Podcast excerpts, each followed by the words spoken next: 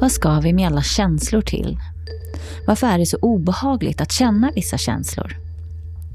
2013 gav Kristina Andersson tillsammans med Sofia Viotti ut boken Compassionfokuserad terapi. Och i höst släpper Kristina sin nästa bok på samma tema. Den heter Compassion-effekten. Men vad är compassion? Och varför är den terapiformen så effektiv mot självkritik och skam? Vi som inte fått en trygghet med oss måste själva skapa den. Kristina Anderssons meritlista är lång. Hon är en psykolog och en av grundarna till Forskningscenter för social hållbarhet vid Karolinska institutet. Hon forskar på compassion vid klinisk neurovetenskap, också vid Karolinska institutet. Och hon är ansluten till Handelshögskolan i Stockholm. Förutom det är hon själv terapeut. Och hon föreläser och i dagarna är hon aktuell med en app som heter Compassion Lifestyle. Och den innehåller övningar och information om compassion och hur du kan göra hjärnan trygg och kroppen lugn.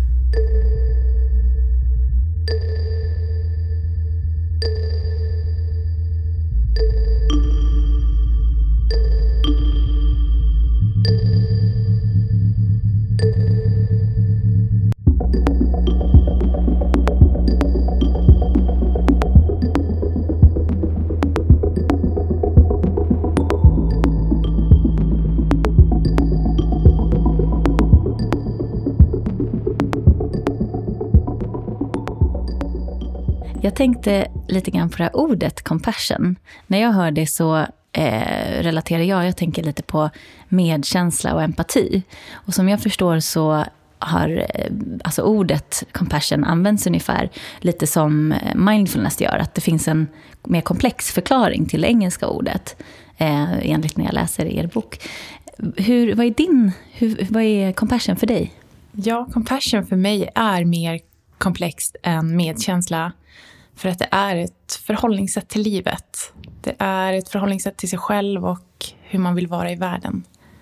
Och eftersom jag forskar på det då så är det just att det innebär en hel del färdighetsträning och egenskaper som man kan träna sig i. Eh, vill du berätta lite mer om compassion-fokuserad terapi? Det är ju som man, man kan nästan säga att det är den senaste terapin, metoden som, som finns just nu. Och att det är en eh, integrativ metod.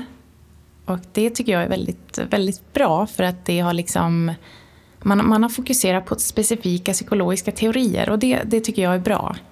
Och för att förstå oss själva om, och, och hur, vi, hur vi är i världen så att säga. Och eh, fokuset är just eh, med trygghet.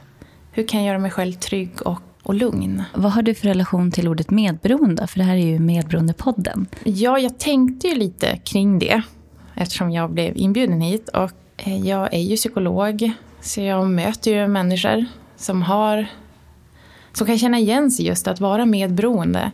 Sen så tycker jag att eh, medberoende kan vara så, så olika. Men i grunden är det ju oftast starka krafter som får oss att vi vill vara med andra människor men det blir svårt. Att få vara beroende och oberoende. Mm, väldigt bra sagt. För jag känner ju igen väldigt mycket av de här alltså de problemen som ni tar upp. Och, alltså just exempelvis med självkritik och, eh, och att eh, överhuvudtaget dålig självkänsla och, och skam och sånt. Eh, men jag funderar lite grann på det här med anknytning som jag förstår då så är det, eh, kommer det ur en slags eh, överlevnadsmekanism, alltså från sympati. Och eh, kan du förklara lite mer om de här eh, överlevnads... För vi har några olika sådana strategier som sitter kvar väldigt, sedan väldigt lång tid tillbaka. Ja, en modell i den här terapin bygger på att vi, vi alla människor har överlevnadssystem i vår kropp. Att vi alla, verkligen alla har det. Eh, och det är att vi har ett prestationssystem, ett utforskande system och att vi har ett hotsystem som får oss att vilja söka oss till platser eller till människor så att vi ska känna oss trygga. Och sen har vi ett trygghetssystem som signalerar till oss att nu är jag trygg, här kan jag vara lugn. Så, ehm, och då kan man koppla, du nämnde anknytningsteorin och just att vårt trygghetssystem är ganska mycket kopplat till eh, trygghet och anknytning hör ihop vad är anknytning? Alltså jag förstår att det är att knyta an, men själva anknytningsteorin, det finns väl, dels så finns det ju olika typer, men vad är anknytning i det stora hela? Anknytning, det handlar ju om att ty sig till en annan människa. Att man vet att den personen finns där om jag behöver den. Och eh, att man får känna sig viktig för den personen. Så det är någonting sunt. Vi behöver ha anknytningsrelationer. Och de, de formar vi när vi är barn. Så att vi lär oss vad vi behöver göra för att någon annan ska bry sig. Och det är oftast där det kanske går fel då att när man märker att när man behöver någon så finns inte någon där. Eller man måste vara på ett speciellt sätt för att få stå i kontakt. Och det är väl där då det brister. Det börjar väl redan i så jätte, första tre åren av ens, en, ett barns liv. Som ja. jag förstår det. Ja. Men, och där är det ju väldigt så som medberoende eller beroende så är det ju ofta så att det ligger en väldigt otrygg anknytning redan från första början. Att växa upp med en beroende förälder exempelvis är ju väldigt så att de sätter kanske sina behov före barnets behov eller så. Och från början så, som jag förstår det, så handlar det ju lite grann om också att att människan, för att människan ska, människan ska kunna överleva så behöver vi att någon eh, känner att de ska ta hand om oss. Mm. För att vi som människobarn har inte riktigt samma utvecklade system som eh, djur har. kan klara sig själva på ett annat sätt. Men jag tänker lite grann på det här då, på tal om uppväxt och, och gener och så, för det är vi ju väldigt maktlösa inför. Vi kan ju liksom inte göra någonting åt det. Men att vi eh, fortfarande, liksom det här präglar oss väldigt mycket. Att vi får med oss massa mönster och så system som vi ja, återupprepar kan man nästan säga. Och att vi, eh, när vi inte har den här tryggheten, så söker vi oss och försöker kanske hitta tryggen, tryggheten utifrån. Och det är också sådär eh, kring medberoende att det börjar väldigt tidigt. Jag tror kanske inte alla riktigt förstår. Eh, för att man kanske inte på pappret har vuxit upp med någon som har eh, drogmissbruk eller så. Men att eh, det, de ändå fastnar i situationer, alltså med, i relationer exempelvis med en partner som är beroende eller så. I grunden så, jag tänker just compassion där är väl motsatsen, att man känner någon form av Eh, vill ta hand om sig själv. Liksom. Att ha självcompassion, ja, ja precis. Ja, ja, Och det har man ju då inte med sig. Men de här strategierna, jag läste att det heter säkerhetsstrategier. Mm. Eh, vilka är de? Ja men precis, och, och, i boken så, så tar vi ju upp skillnad på säkerhetsstrategier och att bygga trygghetsstrategier. Och jag, jag tänker också, för jag funderar mycket på ja, men beroende och den här bilden man kanske har utav vad, vad man tycker, är jag en medberoende person eller är jag inte det? Och, det handlar ju till stor del mycket om när man överger sig själv. Um, jag tänker där compassion kommer in då är ju att vara en annan slags kraft. För det är sådana starka krafter som drar en, liksom, som binder en. Man har ju då, de här säkerhetsstrategierna är ju vad man gör för att slippa känna smärtan som, som finns där bakom. Som man på något sätt, man kanske känner den smärtan. Om man är liten kanske man inte alltid vet vad det är. Eh, man kanske behövde någonting och sen fick man inte det och sen kapslar man in det. Ehm, och sen börjar man göra saker för att få stå i kontakt och bli sedd. Men sen när man blir äldre så bara följer det med. Och då kan det vara en situation som kanske väcker minnen av den där ursprungssituationen. Och då har man liksom lärt in sig att ja, men om jag gör så här så slipper jag känna det där för jag vet vad ska jag göra när jag känner det. Det gör ju bara så himla himla ont. Så att på ett sätt är de ju bra de där säkerhetsstrategierna. För det får oss ju att kanske hålla ihop och, och klara av situationer som är riktigt hemska, alltså smärtsamma. Men på sikt då, när man kanske blir äldre och sen som du sa också att då eh, följer de där mönstren med så kanske man skapar nya relationer och, och när de inte blir bra, när man börjar må dåligt för att man, man påverkas man, i, i sitt liv och så, då, då kanske man måste börja se på varför jag gör som jag gör. Men för att då, i vad vi gör i, i compassion-terapin då, så, så lyfter vi in trygghetsstrategier innan. För att det är jättesvårt att ändra ett beteende för att man gör ju det av en superviktig orsak. Man gör ju det man gör liksom, för att man måste. Och bara ta bort det så då vill vi försöka lägga in trygghet. Har man inte fått trygghet och, och närhet och intimitet och så, så är det väl en, ständ, en ganska stark drift att ändå försöka skapa det på något sätt. Så kan man inte ha det med sig själv så försöker man kanske hitta det i andra och, och hitta nästan på olika sätt för att kunna få det, tänker jag. Sen finns det ju de här olika typerna av, av anknytning.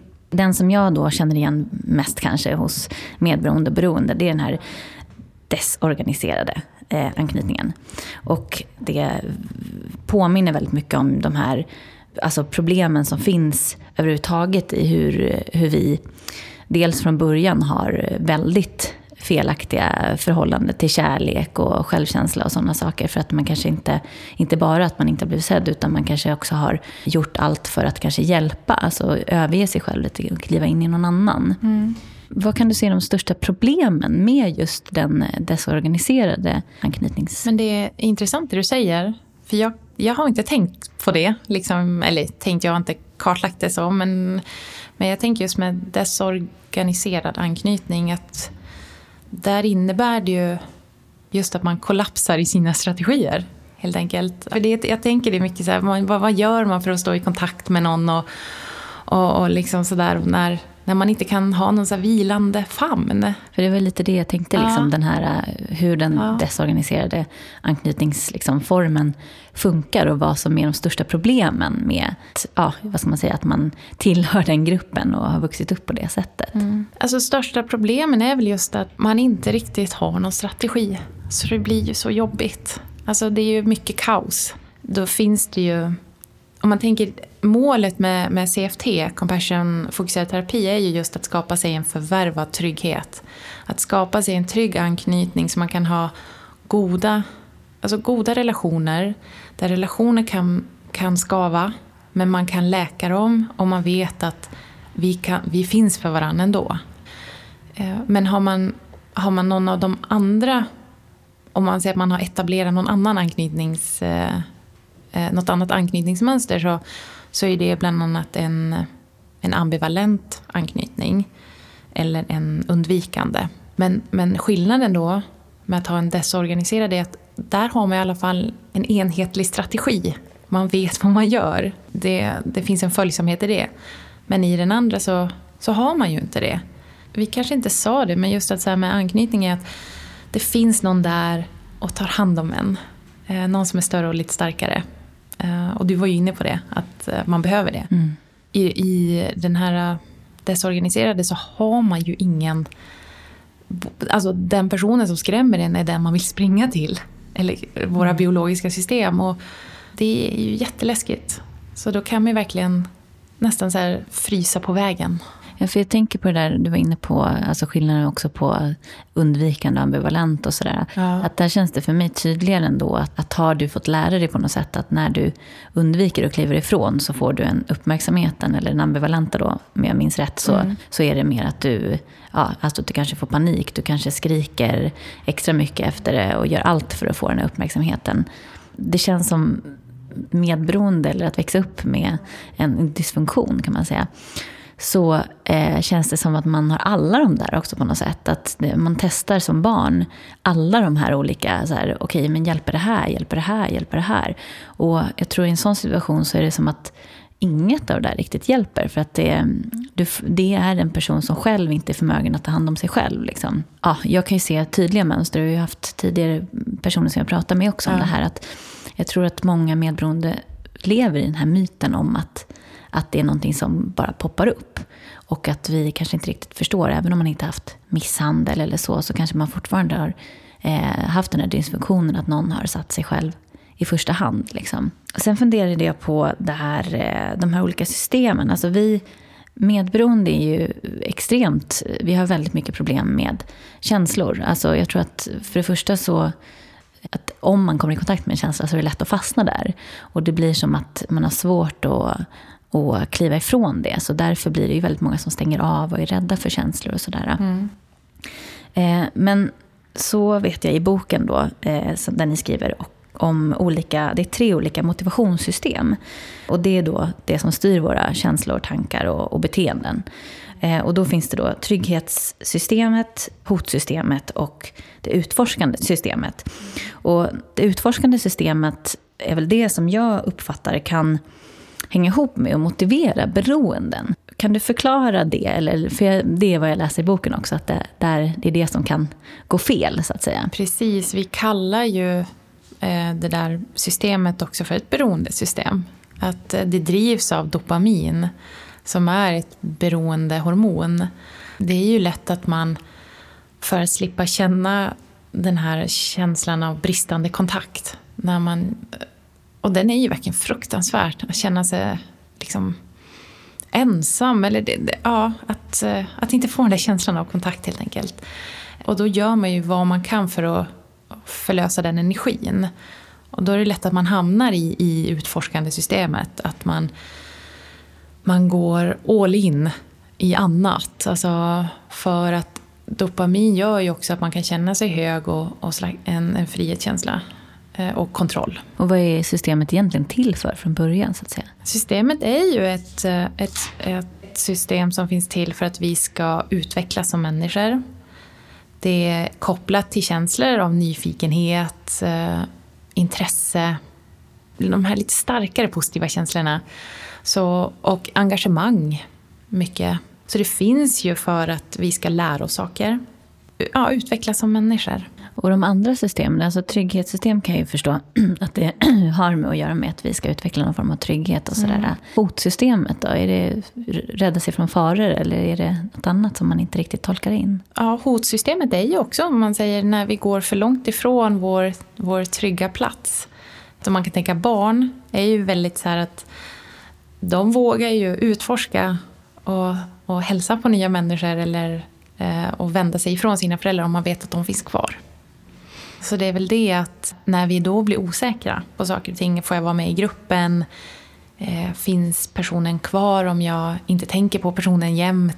Om jag inte gör precis som han eller hon vill, då kanske jag blir lämnad. Så då signalerar ju det här systemet att ha kontroll nu. Så att man har ju svårt att vara spontan om man är kanske medberoende också då, för att man måste ha kontroll. Mm. Och att ansvaret ligger på på den personen då, så att säga. Ehm, men, så då har vi det här hotsystemet som gör att, från evolutionen, att håll dig till din grupp. Och eh, det signalerar också om du är utsatt för någonting som du måste reagera på. Det, är ju, det där tycker jag är väldigt intressant. Just det där att det, det är ju egentligen system som har haft stor nytta alltså i, i vår utveckling. Och så där. Men sen är det väl så att de här, alltså jag menar jag tänker på sådana här äh, flyeffekta, alltså de här Ja precis, de hör ju hemma där. Ja, ja. Och jag tänker att de känns ju väldigt uråldriga från början, att de sitter ju kvar väldigt djupt i, i våra system. Men att vårt samhälle kanske förändras snabbare så att det liksom inte riktigt hinner med att utvecklas. Och, och, som du pratade om då, att man kan plötsligt mata med mycket mer utifrån och det är mycket lättare att hitta beroenden, att frossa för mycket i någonting och så, för det finns inte samma begränsningar. Jag är ändå sugen lite på det här med, med känslor, som jag var inne på. Ja. Att eh, medberoende har så otroligt svårt med känslor. Och jag skulle vilja, om vi skulle kunna gå igenom så här, vad de här olika känslorna är till för från början. Mm. För det första då som, eh, som man kan gå in på då är ju intresse och upphetsning. Liksom. Vad är syftet mm. med, med de känslorna? Intresse har ju verkligen som, som funktion att, att vi ska hålla kvar vår uppmärksamhet på någonting annat. Och jag, en del då i compassion är ju att ha självcompassion, eller självmedkänsla. Mm. Och då behövs intresse för sig själv. Man behöver tycka att man är viktig. Och det kanske inte är så lätt om man är medberoende i en sån, ett sånt tillstånd eller relation. För att man är ju bara viktig så länge man har en kontakt. Eh, och känslan av, man är ju väl medveten om hur känslan är att vara oviktig. Och det gör ont. Liksom. Så att det kan vara ganska smärtsamt att, att vända den känslan mot sig själv. På ett genuint sätt verkligen. Att jag, jag betyder något. Eh, så, så så pratar vi ganska mycket om intresse. Och om vi sen tar eh, glädje och välbehag? Mm. Eh, det är ju då, man gör den här uppdelningen i, i compassion så att man kopplar det mer till trygghetssystemet som också är kopplat till oxytocin. Som är en, en relation, ett relationshormon som får oss att känna att med den här personen vill jag stanna. Tänker vi lite samhällsutmaning så är det att vi pumpas idag ganska mycket i ett samhälle som får oss att vara dopaminberoende. Så att vi, vi kan ju lätt känna oss rastlösa med personer för att vi, vi får en kick och känner wow, du är härlig. Men du var bara härlig en viss tid. För sen då klickar jag till nästa människa.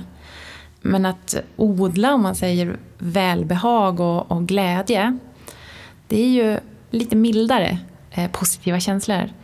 Men kan ge en, en känsla av ro med en annan. Och det behövs. Förvåning och överraskning. Det kan ju vara på gott och ont, tänker jag. Eh, lite grann att, eh, och att det är väldigt snabba känslor. Eh, vi, ja, det är bland de snabbaste känslorna och överraskning kan ju vara något positivt. Eh, man, man, kan också känna förundran över saker och ting. Men, men sen förvåning är ju också att vi ska reagera. Uppmärksamma saker. Och sen så tar vi nästa då. Eh, rädsla och skräck. Eh, många tänker så här, nej men det är en känsla jag vill bli av med. Liksom. Eller dels, en del kanske säger också men jag är aldrig rädd. Eh, men då håller man oftast på med något annat. Liksom. Eh, och man dämpar det väldigt mycket. Och en del i andra sammanhang så tänker man att man delar in. Nu sa jag också positiva känslor mm. och negativa känslor. Men, men det, det pratar inte vi om i boken. Utan då är det mer att se varje känsla har en funktion och lära sig lyssna på de signalerna. Ja, för det är det jag tycker är så intressant. För att, eh, det är därför jag känner att jag vill verkligen gå igenom det här. För ja. det, jag tror faktiskt att det är ett stort frågetecken. Även om det låter så självklart när man pratar om olika känslor. Så det kan vara så att man har en väldigt skev bild av det. Just för att det är så relaterat till någonting i en själv. Snarare än känslans grund eh, syfte. Liksom. Så nästa känsla då, som eh, vi vill gå in på var det är ledsnad och förtvivlan. Eh, för du säger något klokt där, för att ibland kan det vara så att en del säger så här, men jag känner inget. Men det är ju biologiskt, det är ju i kroppen.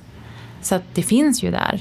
Men man kan ha blockerare lite grann, men då får man ju oftast symptom på ett eller annat sätt. Så det är precis. Och att eh, det tog mig lång tid innan jag lärde mig de här känslorna också. Och förstå dem och våga vara i dem. Det, som du sa, mm. kan vara så svårt. Men, men just då med ledsamhet och vad sa du mer? Det är eh, ledsamhet och eh, förtvivlan. Det är ju om man säger olika grader. Ledsamhet, vi har ju tårar för att det signalerar ju att någon ska komma. Och, och det ska man ha respekt för om, om, om, man har svårt för att gråta för då har man ju säkert lärt in att det kommer ingen. Eller att vad ska jag göra om jag gråter och ingen har lärt mig att hur jag tröstar mig själv. Så det är också en viktig del att man får lära sig hur tar jag hand om mig själv. Och att låta det få betyda. Och sen förtvivlan däremot är ju när det är kopplat till en slags nästan upplösningsångest. Att eh, det finns inget slut. Så det är ju en starkare kraft. Men vad är den till för? Eller är det det när man inte kan hantera ledsamheten? Eller? Ja, vilken bra fråga. Jag, ja, men jag funderar på det, för man kan ju känna verkligen att man är förtvivlad. Eh, och det ligger mig väldigt starkt, för det är verkligen att, att vara med någon som är förtvivlad. Att, utan lösning på ett sätt. Vi kanske återkommer till det. Mm, mm. Ja, för det är ett fint ord. Mm. Jag tror att det är ett ord som väldigt många eh, i eh, beroende medberoende situation kan känna igen sig i. verkligen. Om vi tar vrede och raseri då? Ja, vrede och raseri, det är ju ilska det, det är ju också en, en kraft i sig som är till för att sätta gränser. Men man känner också det kanske... Man kan känna ilska om någon har, kommer för nära en. Att, eh, för det handlar om att mycket slå igenom hinder också. Så det är både att sätta, sätta gränser men att ta sig förbi hinder. Så det, det, sund ilska är jätteviktigt. Ehm, så och där tänker jag att det kan vara svårt ibland för att eh, om man, vad, vad ger att bli arg på någon som inte bryr sig? Många gånger. Mm. Så då känner man att i ett läge där det är normalt att bli arg och få en respons kanske, så får man inte det. Förtvivlan kanske leder till också. Precis, mm. precis. För det var det jag och tänkte på. Det är ju väldigt kopplat till mm. ilska tror jag också. Lite ledsamhet och ilska kan bli en förtvivlanskänslan. Mm. Ja, mm, verkligen. det stämmer. Och sen har vi då den här känslan av skam och förödmjukelse. Det har ju ett syfte. Det är ju, alltså skam är en, en viktig, eller alla känslor är viktiga. Mm, mm. Eh, men man kan se på skam utifrån ett sätt att vi, vi har det för att det är en signal om att vi ska sköta oss och hålla oss till gruppen. Eh, vi behöver det för att om jag inte hade någon sån signal kanske jag gjorde någonting och sen helt plötsligt utan att jag förstod det så, så lämnar de bara mig. Men sen är skammen, när man kopplar samman skamkänslan till någonting som kanske var normalt eh, men att man bara blev bemött på, på, ett, på ett sätt som väckte skam. Det är då det blir blir svårt. Mm. Och man kan skämmas för saker som man inte ska skämmas för. För det är ju, och där är ju verkligen en känsla som vi var inne på tidigare, de här, mm. vi pratade, eller du nämnde positiva och negativa mm. känslor. Och där tror jag verkligen, eh, oavsett, alltså jag tänker folk som inte mår bra, mm. att man vill gärna fly undan de här negativa känslorna. Och skam är ju en sak som, alltså en känsla som sitter otroligt djupt och mm. eh, som jag tror väldigt många ja, eh, medberoende, beroende, liksom fastnar och nästan identifierar sig med den här skammen. Att man blir liksom skam. Mm. Eh, och då har det ju verkligen inte kanske sitt rätta syfte, så att säga. Ja, men verkligen. Och just det där att koppla till att, att tycka att man är okej. Okay, att, att få vara med andra utan att behöva kontrollera sig. Och att känner man mycket skam så så kan man ju bygga upp sådana fasader, sådana skydd för att den är ju jätteobehaglig. Liksom. Mm. Den, och det kan vara svårt att veta för att eftersom den är så obehaglig så, så står vi knappt ut med den. Som man, man har i sina försvar. Och sen hade vi då två eh, till. Dels avsmak. Precis. Avsmak är ju dels lite kopplat till... Det är, det är ju som ett skydd. Att vi ska känna så inför mat, bland annat. Så att vi, vi ska skydda oss. Men det är också där man kan, när det blir lite komplext och kan vara svårt, att man har sammankopplat den känslan till andra saker så att man kan känna avsmak, man får den funktion, alltså responsen i kroppen för saker som man kanske inte ska känna avsmak för. Men som att i början var det ett skydd. Och sen har vi då den sista, avsky. Avsky och förakt kanske hör ihop lite grann. Eh, sådär. Och nu minns jag inte exakt vad vi skrev i boken. Mm. Och, och det, de är ju lite svåra de här känslorna. Liksom. Mm. Men, nära varandra. De är nära varandra. Men, men det handlar ju till stor del om att skydda sig själv också. Att vi behöver förakta vissa saker. Saker som vi inte känner igen, som inte liknar oss. Så om det andra är kopplat till mat så är ju förakt kopplat till... Med samhället mer? Ja, eller liksom precis. Kring det är lite omvärlden. det jag tänker. Omvärlden, andras åsikter, personer. Det här är ju verkligen mm. ett, alltså jag tänker nu pratar vi känslor, men de här systemen tänker jag på. Alltså tidigare då så var det väl viktigt att hålla ihop i sin grupp och så att man mm. inte kom ifrån varandra och så här. Eh, men att det där sitter kvar. Jag tänker väldigt mycket på det i tider när, det väldigt, när vi pratar väldigt mycket om rasism och så. Mm. Eh, och främlingsfientlighet. Att för mig blir det också väldigt tydligt hur det här sitter djupt i oss. Alltså den här grejen att vi kanske måste utsluta för att också känna samhörighet på något sätt där, där vi mm. är. Men eh, nu lever vi ju inte riktigt i de där klungorna av grupper. Eller ja, det är klart man kanske gör det. Men ja. vi lever i ett större samhälle på något sätt. Ja, men precis. Och, och det där har jag tänkt mycket på också. Just mm. det här mm. med... För när vi skrev boken så... För mig när jag kom i kontakt med det här med compassion. dels att det är ett förhållningssätt till hur vi vill vara med andra människor. Men, men också att det handlar om att bygga upp sin inre trygghet. För mig var det helt nytt. Alltså, jag hade ändå läst också... Eh, du beskrev att du läste nu och sådär. Att jag hade mm. läst mycket inom andra områden och, och sådär. Och var intresserad av psykologi brett. Men, men att hur gör man sig själv trygg liksom? Men, men nu då så, så är det ju det att vi måste ju ta hänsyn till helt andra saker idag med yttre trygghet också.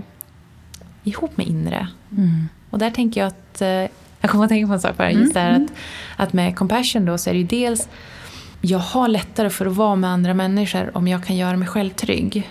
Eh, och det har man ju då sett i forskning och allt vad som händer med oss. Men, men också compassion då för att, att om man tycker att det är en otrygg värld.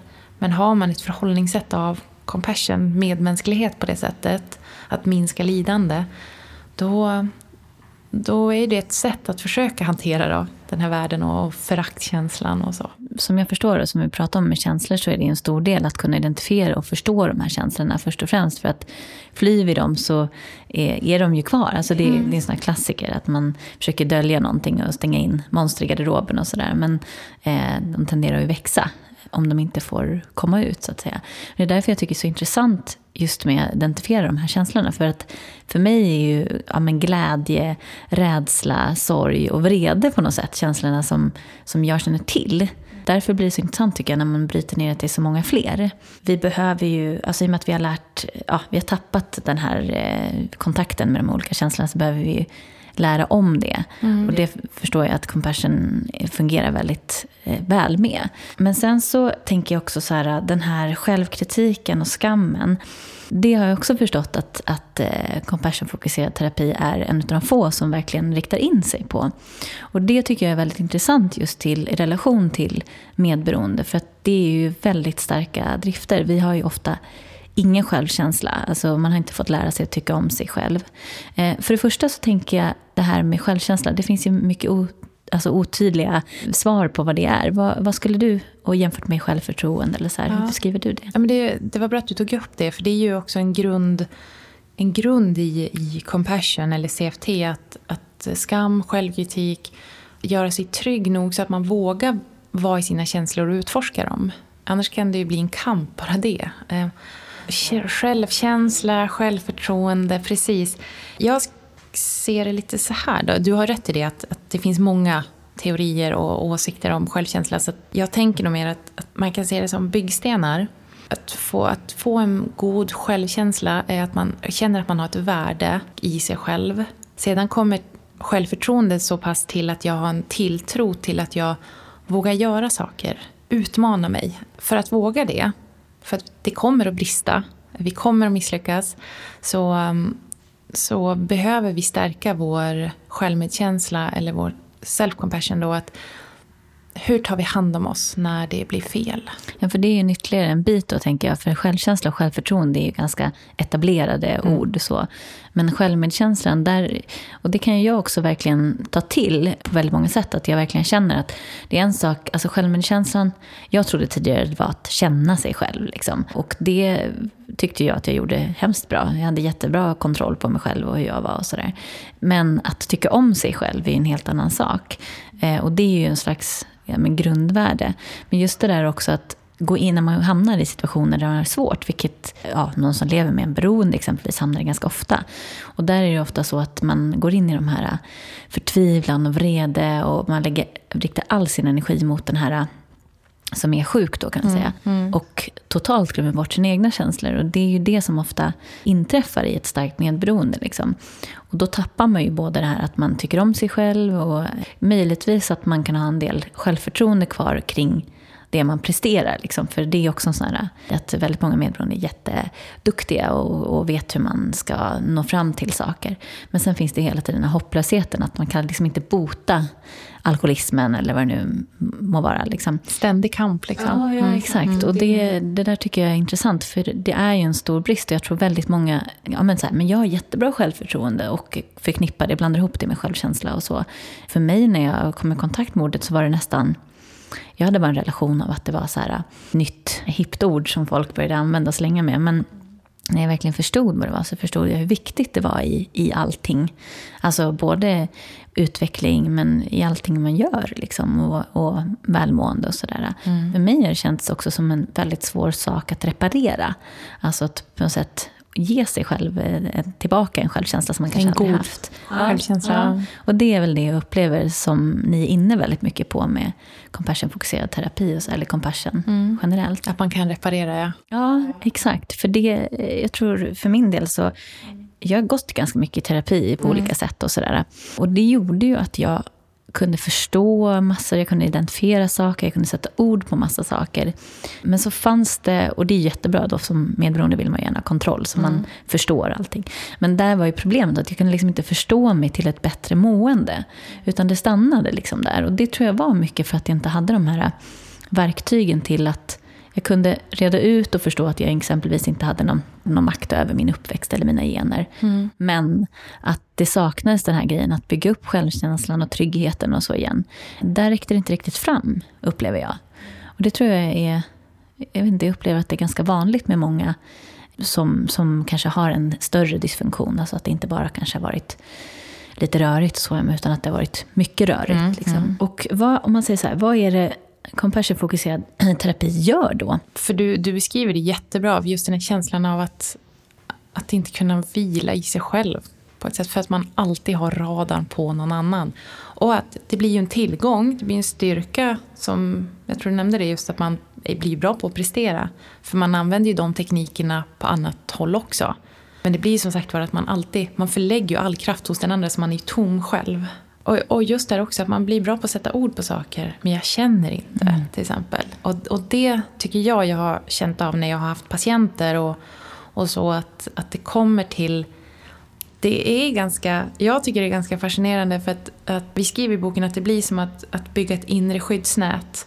Just då i förtvivlan till exempel så kan man få falla dit. Det, det är som att man vågar släppa taget. Och mina patienter som jag träffar då kan med sina ord ofta beskriva efter ett tag att det är som ett nät som växer eller man känner som trådar och, och så. så. Så det man gör, att se, det handlar ju mycket om att aktivera sitt eget anknytningssystem. Att hålla om sig själv via, eh, om man säger mental träning som, som innebär att man, man visualiserar saker för sig själv som får en att, att ta emot värme och vänlighet. Kanske man, man pratar mycket om eh, vad hade man önskat att få? För ibland så kan man ju inte ens sätta ord på det. Man är bara inne i den här kaotiska relationen på ett sätt. Man bara försöker få kontakt. Men att våga stanna i det här, vad var det jag behövde? För du pratar just om det här med behov. Mm. Många kan ju inte ens sätta namn på egna behov.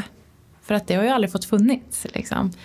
Compassion är ju just ett förhållningssätt av värme och vänlighet och, och att våga ta emot också då. För det, ibland blir det så att man har ju kämpat så mycket så, så man vet inte ens hur det är att ta emot och få det. För det blir ju också en slags obalans. För jag tycker du var inne på jättemånga intressanta saker ja. där. Jag går ju i, eller jag har själv gått i ett tolvstegsprogram ja. för mitt medberoende. Och där träffar man ju väldigt många andra människor. Och ett vanligt begrepp som jag upplever att folk säger är att man har ingen kontakt med sitt känsloliv överhuvudtaget. Mm. Att väldigt många kan ha så fysiska krämpor. Innan de har liksom tagit tur med det så har de gått runt. Vissa har till och med fått eksem. Alltså det har verkligen klivit fram på fysiskt mm. Eh, mm. vis. Jag själv hade jättemycket ont i magen. haft problem med magen hela min uppväxt och sådär. Eh, och jag har något minne av att jag läste i någon sån här psykologitidning eh, hur liksom våra känslor visar sig i kroppen. Att det är vissa olika kroppsdelar. Och en del känslor är känsliga i hela kroppen, vissa känns väldigt mycket i magen och sådär. Och det där tänker, har jag tänkt väldigt mycket på. För att eh, när man inte kan förstå och identifiera en känsla och dess syfte och sådär. Så som du sa så finns den ju, den pågår ju där ändå. Att någonting bränner till i magen eller att det liksom eh, kittlar i benen eller vad det nu skulle vara. Det är bara skrämmande. För det är nästan en av de ja, men så här, vanligaste, eller vanligaste eh, grejen vad man söker hjälp inför. Just det här känslolivet. För att man har ju totalt uppgett sitt eget känsloliv för att gå in i andra människor. Det behöver inte ens vara en person som är beroende eller så. Jag har ju inte direkt fastnat för andra beroende så. Jag har ju haft min uppväxt men däremot så har jag engagerat mig i alla människor omkring mig. Och gärna sökt mig till folk som har haft Eh, det var något problem eller strul eller så. Så mm. jag kan liksom lägga mig i deras grejer istället för att vara i mig själv. Ja. Det är därför jag tycker det är så otroligt intressant med den här formen av terapi. Som jag förstår så är det flera olika delar som, som compassion-fokuserad terapi innehåller. Och även mindfulness och så mm. Vill du förklara lite de här delarna och hur de fungerar så lite? Det är, att det är just eh, att vi har försökt att förstå liksom betydelsen av trygghet i alla psykologiska teorier, mm. helt enkelt. Uh, och, och att då uh, mindfulness är med mycket då för att hur man kan... För det är ju en slags överlevnad att inte vara närvarande om det inte känns bra. Så, men att kan man öva mindfulness, att, att våga vara i sin kropp men med ja, kanske då någon trygg annan. För att där tänker jag i CFT är ju också viktigt att som terapeut blir man viktig. Mm. Man måste få våga vara viktig. Och visa på att, att styr, lite styra om, så här skulle det kanske ha varit. Eh, och så. Men ändå ha jättestor respekt för lojaliteten till, till dem, alltså om patienten är medberoende, till någon. Mm man uppmärksammar ju som du nämnde med magen och sådär att man, man går dit och kanske vågar vara, vad, vad säger magen? Mm. Alltså vad finns där och ger det tid och att det tänker jag är jätteviktigt i, i dagens samhälle också att det är så mycket att allt ska gå så fort.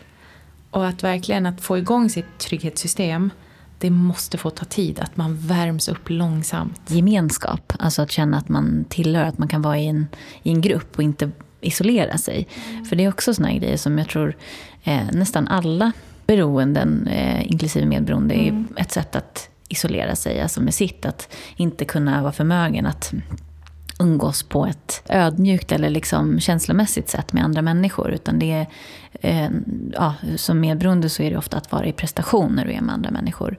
Att du exempelvis vet att om jag, du förhåller dig till en person och så vet du att om jag är stark och, och säger snabba kommentarer här så får jag respekt eller uppmärksamhet eller bekräftelse.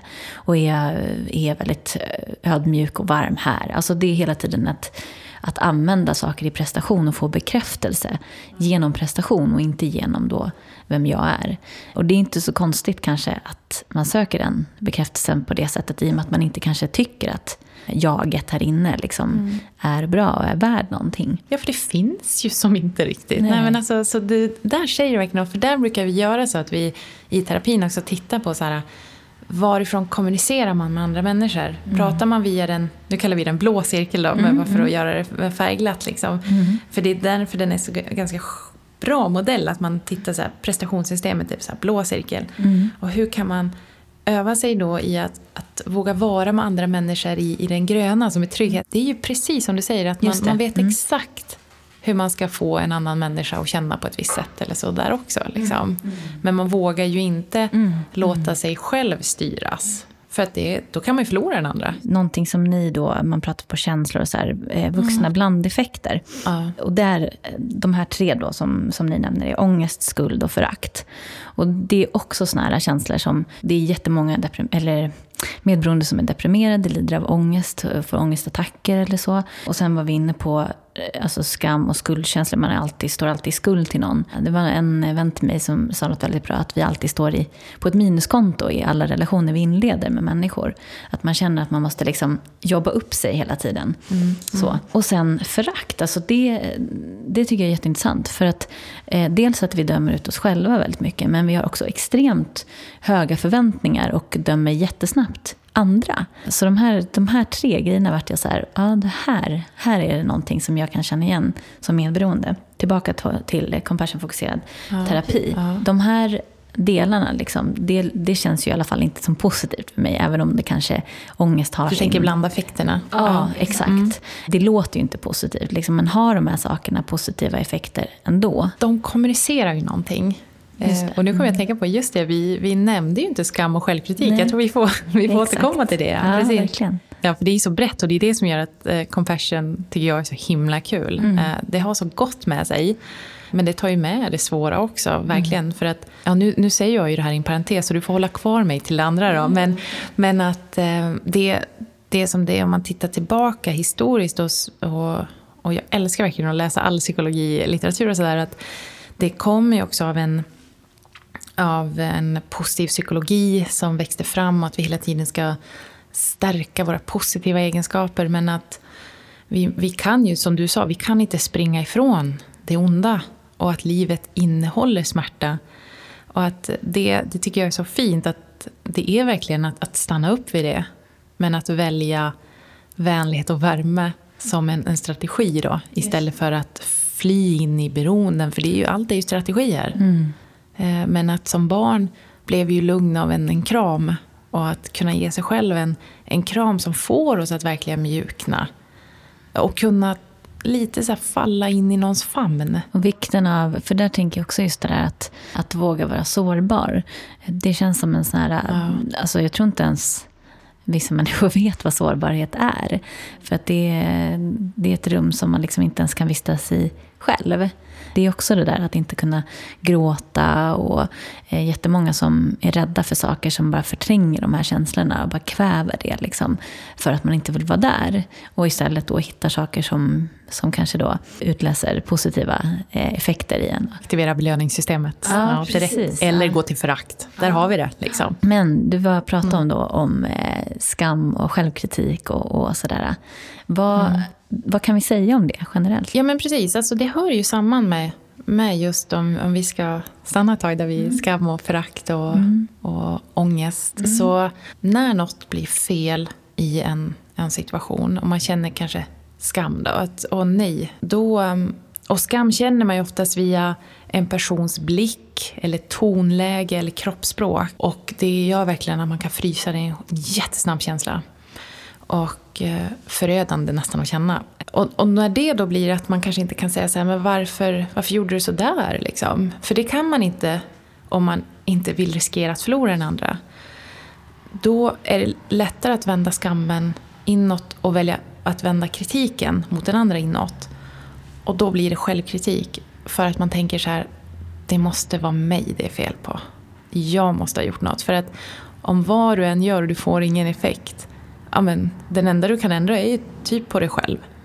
Så att det blir, det blir en slags strategi att håll dig på mattan, sköt dig snyggt, gör vad du kan för den andra anstränger sig ju inte man tittar på det här med uppväxt och sådär. Mm. Och det kan vi inte förändra. Men det, jag, också lätt, eller jag hamnar ofta i den här känslan att, att man beskyller barndomen. Men det är ju också en generationsgrej. Att det är klart att en, en förälder som inte förmår finnas där för sitt barn kanske inte heller riktigt har blivit mött så av sin förälder i sin tur. Och det är också en sån här eh, grej att påminna sig om, tänker jag, varför det är viktigt också att ta tag i sin eh, alltså hitta tillbaka till den här tryggheten i sig själv. Om man tänker framåt, även, inte bara för sig själv, utan även om man skaffar familj och andra relationer och så, hur viktigt det blir. Det är precis som du säger, för det, det är ju, visst kan man fastna i att så här, ja, det var mina föräldrar eller så, det är synd om mig. Och, och eh, det, det är faktiskt många som säger det, så här, men vad är det för skillnad? Jag, jag minns faktiskt en, en patient jag träffade som vi pratade mycket kring det där. Liksom att, eh, ja, men ska jag tycka synd om mig själv nu? Eller hur är det att, att ha om man säger compassion med sig själv eller medkänsla med sig själv? Och att när man tycker synd om sig själv då hamnar man ju i en offerroll och då är man ju i sitt hotsystem. Mm. Det kan ju då, du nämnde de här stressreaktionerna, att då kan man ju hamna i ett så fryst läge, stelna läge. Men, men skillnaden att ha compassion för sig själv är ju att läka och hålla om sig själv i det som är svårt. För då har man ju sett, om man kopplar till, till eh, ett barn som gråter, om vi tar anknytningsteorin eller utvecklingspsykologi, för det är också en del i det här att mm. förstå att, att man gör illa sig, man blir ledsen, men sen läker det och man kan gå vidare. Så att ehm, det, det, handlar om att, precis som du säger, för att kunna skaffa kanske nya relationer i sin egen familj så behöver man träna sig i att ge sig en trygg anknytning och ha viss förståelse i att det var kanske inte rätt det personerna gjorde. Men att se att de kanske inte förmådde sig mer utifrån deras bakgrund som du var inne på, livsomständigheter. Så att man inte har skulden kvar. Liksom. Acceptera och förlåta på något sätt. Ja, alltså mycket förlåta, men också självförlåtelse där är ju liksom jätteviktigt. Jag tror det blir skillnad, för ibland kan det vara för svårt att acceptera. Då rör man sig upp i huvudet. Liksom. Men att, att öva sig i den här självförlåtelsen, det gör att man kanske kan gå vidare. Och det där med empati tänker jag också att det Eh, det känns ju alltså för väldigt många helt omöjligt att, att så här, ja, men precis som du säger, att här, tycka synd om sig själv utan att fastna i den där offerrollen.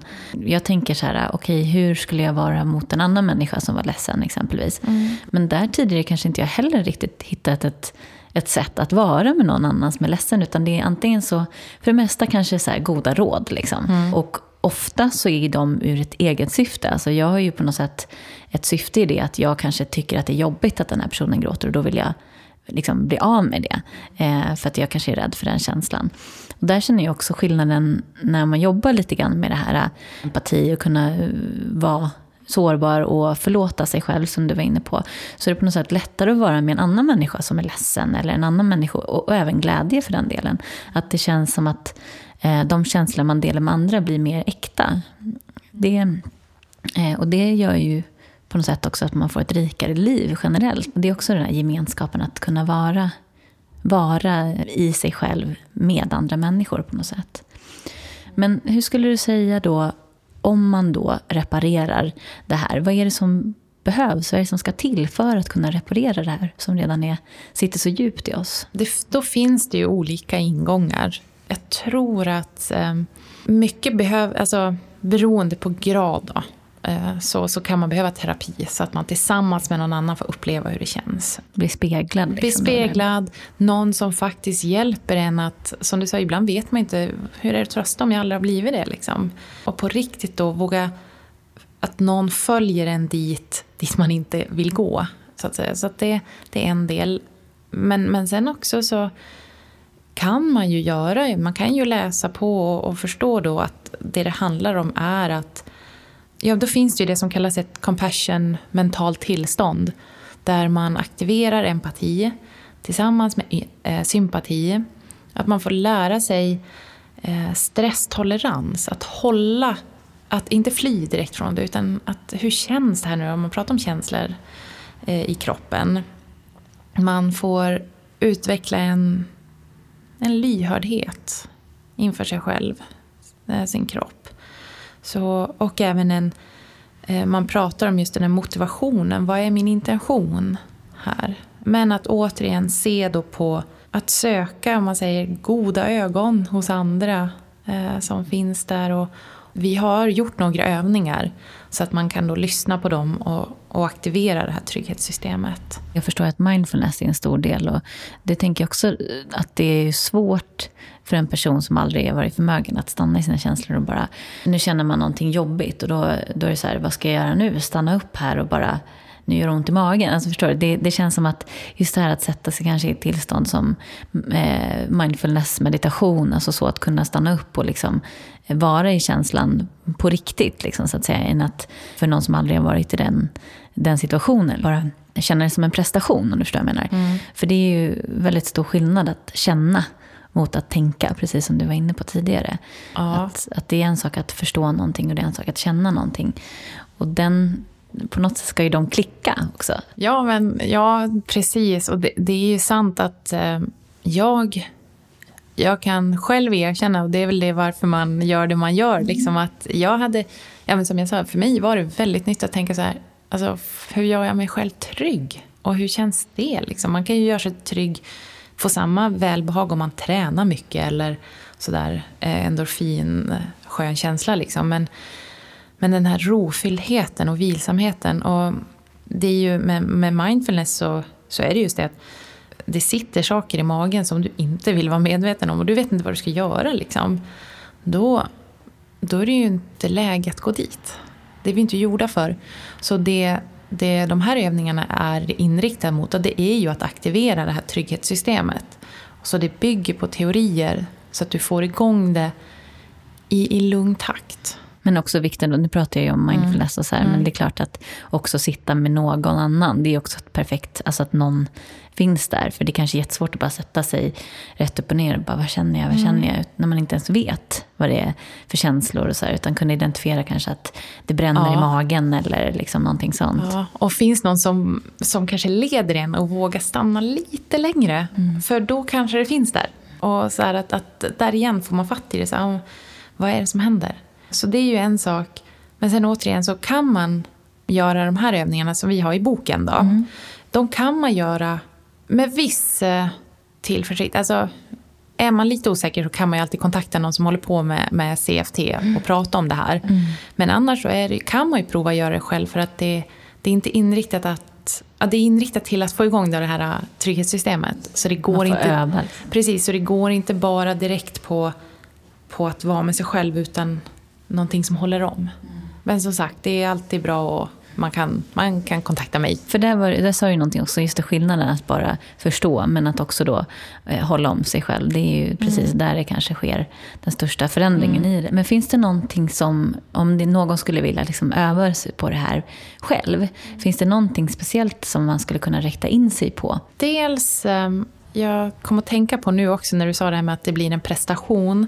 Och det är ju lätt att det blir en prestation, så här, och nu ska det bli prestation compassion. Liksom. Mm. Och visst kan det ju också bli det att man blir så här, nu ska jag bli världens bästa människa. Mm. Liksom. Och det, det, är ju inte det. Och det är att, att våga vila i att saker och ting är som det är. Mm. Uh, så, så, så det tror jag är en viktig grej, att när man märker att man börjar prestera de här sakerna. Utan då är det inte riktigt så. Då kan man behöva hjälp. Man kan ju gå kurser och, och sådär i det.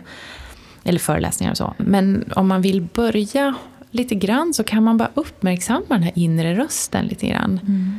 Eh, och sen kan man eh, börja se hur man talar till sig själv. Lite observera tonläget. Sedan, eh, jag tänker kring att, att utgå från så här, men hur vänlig är jag mot mig själv?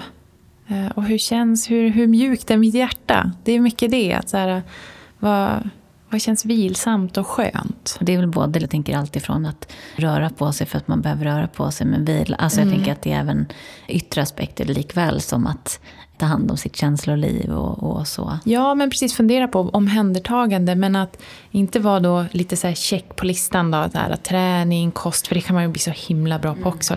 Men, men att kanske ibland så här att, vad gör mig gott? När, när det är, alltså, för det är också igen att, att vara snäll mot sig själv. Det kan ju vara här, jag måste vara snäll mot sig själv, mm. nu skiter jag i det här. Men det är ju inte att, att ta hand om sig på sikt. Och sen att bara, lite som du har nämnt också, att börja, börja förstå vad, vad sina mönster och, och just det att få ett varmt hjärta. Det kan ju låta väldigt svårt också, tänker jag, så att mm. så här, förstå sina känslor och, och, så. Någonting som jag kan känna, och, och, det krävs ju då på något sätt att ta ett kliv ifrån och inte bara liksom vara uppslukad utan försöka sådär distansera sig lite grann. Och det, eh, för mig som jag kan känna, så det, det som har hjälpt mest är ju exempelvis att så här, okay, nu, nu händer det något i min kropp. Och att kunna då på något sätt acceptera att jag känner så. Inte bara vara så här, ah, vad är det som händer? Utan att okej, okay, nu känner jag något. Och då när jag är med andra människor och betraktar andra människor. Så du pratade någonting om att en person kan med kanske kroppsspråk visa eller ha en annan ton ja, på rösten och sådär. Mm. Och det reagerar man jättestarkt på. Och där kan jag känna så här, att kunna benämna situationer, alltså att kunna se så här, så här ta lilla klivet ifrån och bara, men nu upplever jag att du, den här personen är varm och kärleksfull. Eller ja. nu, som medberoende så är man, tro, litar man inte på sina upplevelser, för man är så himla osäker på vad som är vad. Men att faktiskt stanna upp och bara, vad tror jag? Alltså, vad upple hur mm. upplevs det här faktiskt? Mm. Den här personen säger, du är så vacker, men säger det lite så sarkastiskt. Då kanske man faktiskt upplever att det där var var inte så himla varmt och, och kärleksfullt. Och att då kunna identifiera det och inte behöva gå in i det på något sätt, utan låta det stanna vid den här personen och kunna sen distansera sig och gå in i sig själv och känna. Det låter väldigt svårt, men jag tror att det är, det är en sån grundmekanism för att kunna på något sätt förstå överhuvudtaget vad känslor är, hur vi visar det och sådär. Spegling på något sätt också. Även om den kan vara, eh, man har haft en osund spegling i, i människor på ett negativt sätt så är det bra att kunna identifiera bra saker hos andra människor också. Ja men precis, för det guidar ju en i rätt riktning. Mm. Vänlig röst, vänlig blick, men också någon som man känner vill en väl, för det känner man. Mm. Och att någon som man kan lita på. Jag nämner det också i min, i min nästa bok, så just med självtillit och kunna lita på andra. Ha tillit. Mm. För det är också kanske en, en brist i det. Och precis det du säger, att det här med att våga stanna upp. För att ibland är det ju det att, att ja, ja, visst känner vi vad som händer, det gör vi ju. Men vi kanske inte står ut med det för att vi, man känner att jag måste ju bara ha kvar mm. den här personen. Eller mm. jag måste ju försöka göra något så att det ska bli bra. Mm. Uh, så att, uh, att, jag, eller att man känner att man blir viktigare då än beroendet mm. som personen har.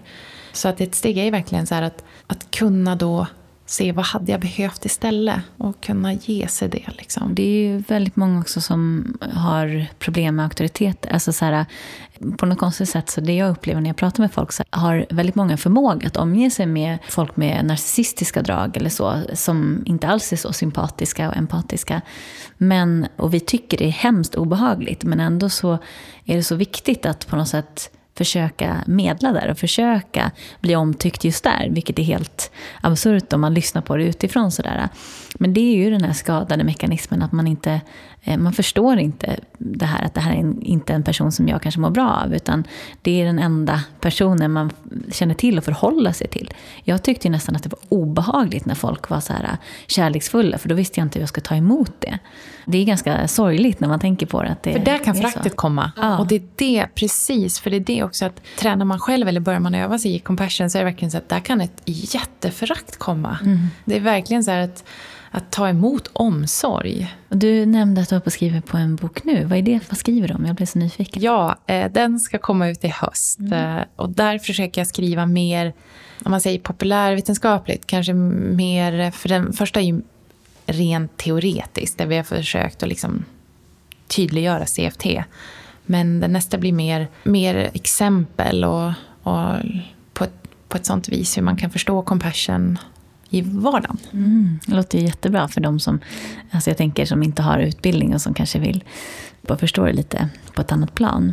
Du var också inne på det här själv lite grann. Jag undrar hur, du, hur kommer det sig att du började intressera dig för compassion fokusering eller compassion överhuvudtaget? Jo, men det, det har sina olika ingångar. Dels som jag sa så gillar jag, jag gillade att förstå samhället. Jag tycker att det var jätteintressant. Så att jag har en bakgrund som inom ekonomi och sociologi. Men i grunden så har jag nog velat förstå så här, vad, vad är det som gör det svårt för människor att komma nära varandra. Och man kanske vet att vi... Jag tror verkligen, som många säger, att vi vill så gott. Alltså vi har mycket kärlek, vi människor. Vi behöver varandra.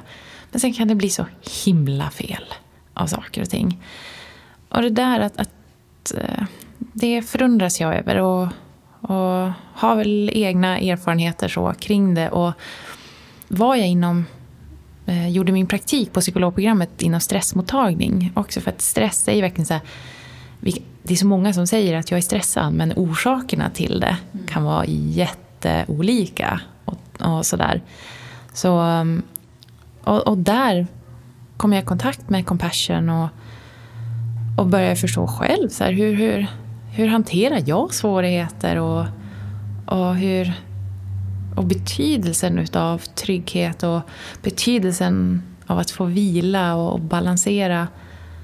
Um, just den här känslan av att eh, trivas med sig själv och ändå utmana sig själv. Och, och, och sen var jag intresserad av lyckoforskning. För det var verkligen så här att om man kan mycket, men vad blir man lycklig av?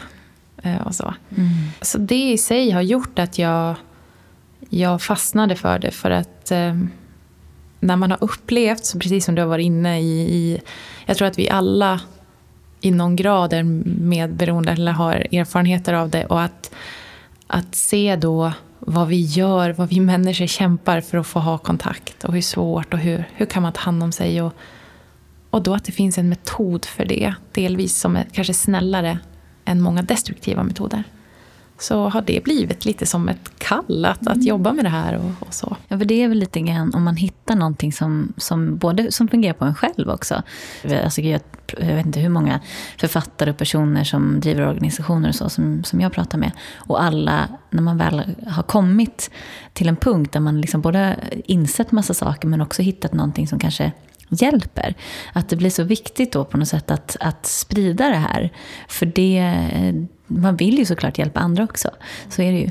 Och sen var du inne på det här med lycka. Och det tycker jag också är väldigt intressant. För att det är så lätt att lycka blir en prestation. Att man tittar på andra människor som är lyckliga. Mm, så att säga. Mm. Det är väldigt svårt att veta hur lyckliga de är egentligen. Men det finns ju väldigt många, mycket litteratur kring det och sådär också.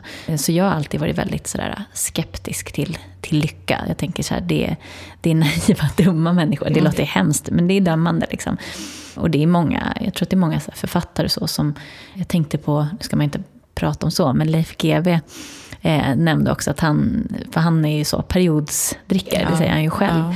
Men att han också lite så här, jag vet inte om jag skulle lycklig vara så himla roligt egentligen. Alltså sådär, att ja. han väljer själv att det är okej med lite, må lite sådär halvkrasst liksom. Och det är, klart att, det är klart att det är, men jag tror att det är mycket för att den här bilden av lycka är så, den är som att den sitter på en piedestal som är onåbar. Och att den handlar om att man ska liksom prestera sig fram dit. Medan det för mig sen när jag bara släppte det här var som att jag ska nå lycka så kändes det som att det blev, så är det nästan som att jag blev lycklig. Alltså det är väldigt sådär dubbelt. Men det kan jag känna igen mig i också för jag var ju mycket så att ja, men om man nu har vissa kapaciteter och sådär och mm. man har försökt att hantera livet och så här, okej, okay, hur ska man bli lycklig nu då? Och det var så skönt när jag märkte compassion, att det var så här, livet, det är så himla mycket smärta och svårigheter men kan man välja då att eh, försöka göra gott eller liksom... Ja, att, att också vissa dagar... Det, jag tycker att det har varit en sån hets kring att man ska ta vara på varje dag. Liksom. Så här, nu har vi sådana möjligheter och ibland blir det så här, men varje dag kanske man inte kan ta vara på. Så det, det är intressant att, att se och, och, lite den kraften. Och det är därför det är jätteintressant det du gör så här. Att, att våga stanna upp och se vad håller vi på med? Vad är det som driver oss? Liksom? Just det som jag kan känna att varför, för ord som då, och det är ju just när det kommer så nya begrepp så finns det lätt så här, inte riktigt en klar förståelse. Precis som med självkänsla, att det är sådär, man får för sig att det är någonting så förhåller man sig till det. Och medberoende finns det ju jättemycket myter kring mm. vad det är och så här. Och jag tror att det och lite dömande också tror jag. Väldigt. Det är liksom så att, att, det finns som att, eh, så tänkte jag innan, alltså så att nu innan jag blev psykolog, eller så att mm. man pratar om det och så här, då, ja, men det, då är man en viss typ. Mm. Liksom. Eh, men så är det ju inte. Och den här eh, klassiska möjliggöraren som man ofta pratar om och fru och så här till någon. Men ja. för mig, alltså medberoende är så otroligt mycket mer komplext. Och, och, det finns även de som säger att ett medberoende är det som ligger till grunden för ett beroende. Därför på något sätt, ja man kan förstå att ta ifrån alkoholen från alkoholist exempelvis. Mm. Men det finns ju fortfarande de här problemen med ett känsloliv och det är nästan, det är viktigare att behandla för att tar du bort drogen från den personen som, som använder en drog så hittar den ofta nya saker att, att bli beroende av. Och därför är det så viktigt att... Och... Där har vi säkerhetsstrategierna. Ja. Precis, där är en strategi. Just det. Och måste ju erbjuda något annat. Och det är ju verkligen så här, vilka känslor behöver personen få lära sig vara i och ta hand om. För det var ju säkert någonting som hände där de var tvungna att stängas av. Mm. Eller hanteras mm. på ett sätt. Mm. Så det är absolut det är jätteviktigt det du säger. Jag har ju både sett några föreläsningar med dig, jag har varit jätteintresserad av och sen så har jag läst då Compassion-fokuserad eh, terapi, boken då, som du har mm. skrivit tillsammans med Sofia Viotti. Eh, Viotti ja. tror jag, ja. precis. Snyggt namn. Mm. Eh, men det, jag tycker det just för att det här går hand i hand med så mycket som, som jag har tyckt saknas. Eh, just när man, när man pratar om så medberoende. Det är för att väldigt många förstår och man, ja ah, okej okay, jag fattar, jag borde göra så här, jag borde göra så här. Och så stannar det vid den här prestationen som vi var inne på. Mm. Men skillnaden med att faktiskt börja ha ett slags kärleksliv till sig själv. Eh, alltså där kände jag liksom att det, det har jag saknat och det måste vara fler som, som saknar och har saknat. Liksom. Mm. Om någon skulle känna igen sig och, och tycka att det här låter jätteintressant och så. Dels så kan vi rekommendera att läsa mm. boken. Eh, men eh, om man skulle vilja gå till en compassion-fokuserad terapeut? Man, man, kan höra av sig, men, men det finns ju också, om man googlar så finns det ju eh, andra terapeuter mm. som, som är utbildade i CFT. Mm. Så kan man prova det. Har du några eh, sista så rekommendationer? Liksom, om vi ska nu tänka, du var inne på samhället. Hur, hur kan vi sprida compassion i samhället? Svår fråga. Ja, det är en stor fråga. Nej, men, nej, men jag, jag tycker det är intressant. Eh, jag kan säga lite olika... Jag, ett steg som jag jobbar med just nu, det är att vi håller på att starta upp en, ett, ett företag, är det, men att där vi försöker skapa vänskapsrelationer, eller möjliggöra vänskapsrelationer och eh, kärleksrelationer för människor. För att vi har sett just att samhällets utmaning idag är ju också att vi, vi är så stressade eller vi, vi påverkas av eh, sociala medier som då går på hjärnan på ett annat sätt med hormoner. Så vi vill stärka vår Eh, mötesplats med varandra. Så, så det jobbar jag för. Eh, delvis att, att stärka det. Men, eh, men ord några sista ord just kring compassion är just att det, det handlar ju om att, att, eh, att eh, få en värme inombords i sitt eget hjärta och, och känna att det finns ett alternativ. För att det är sådana krafter i medberoende att vi människor behöver få behöva.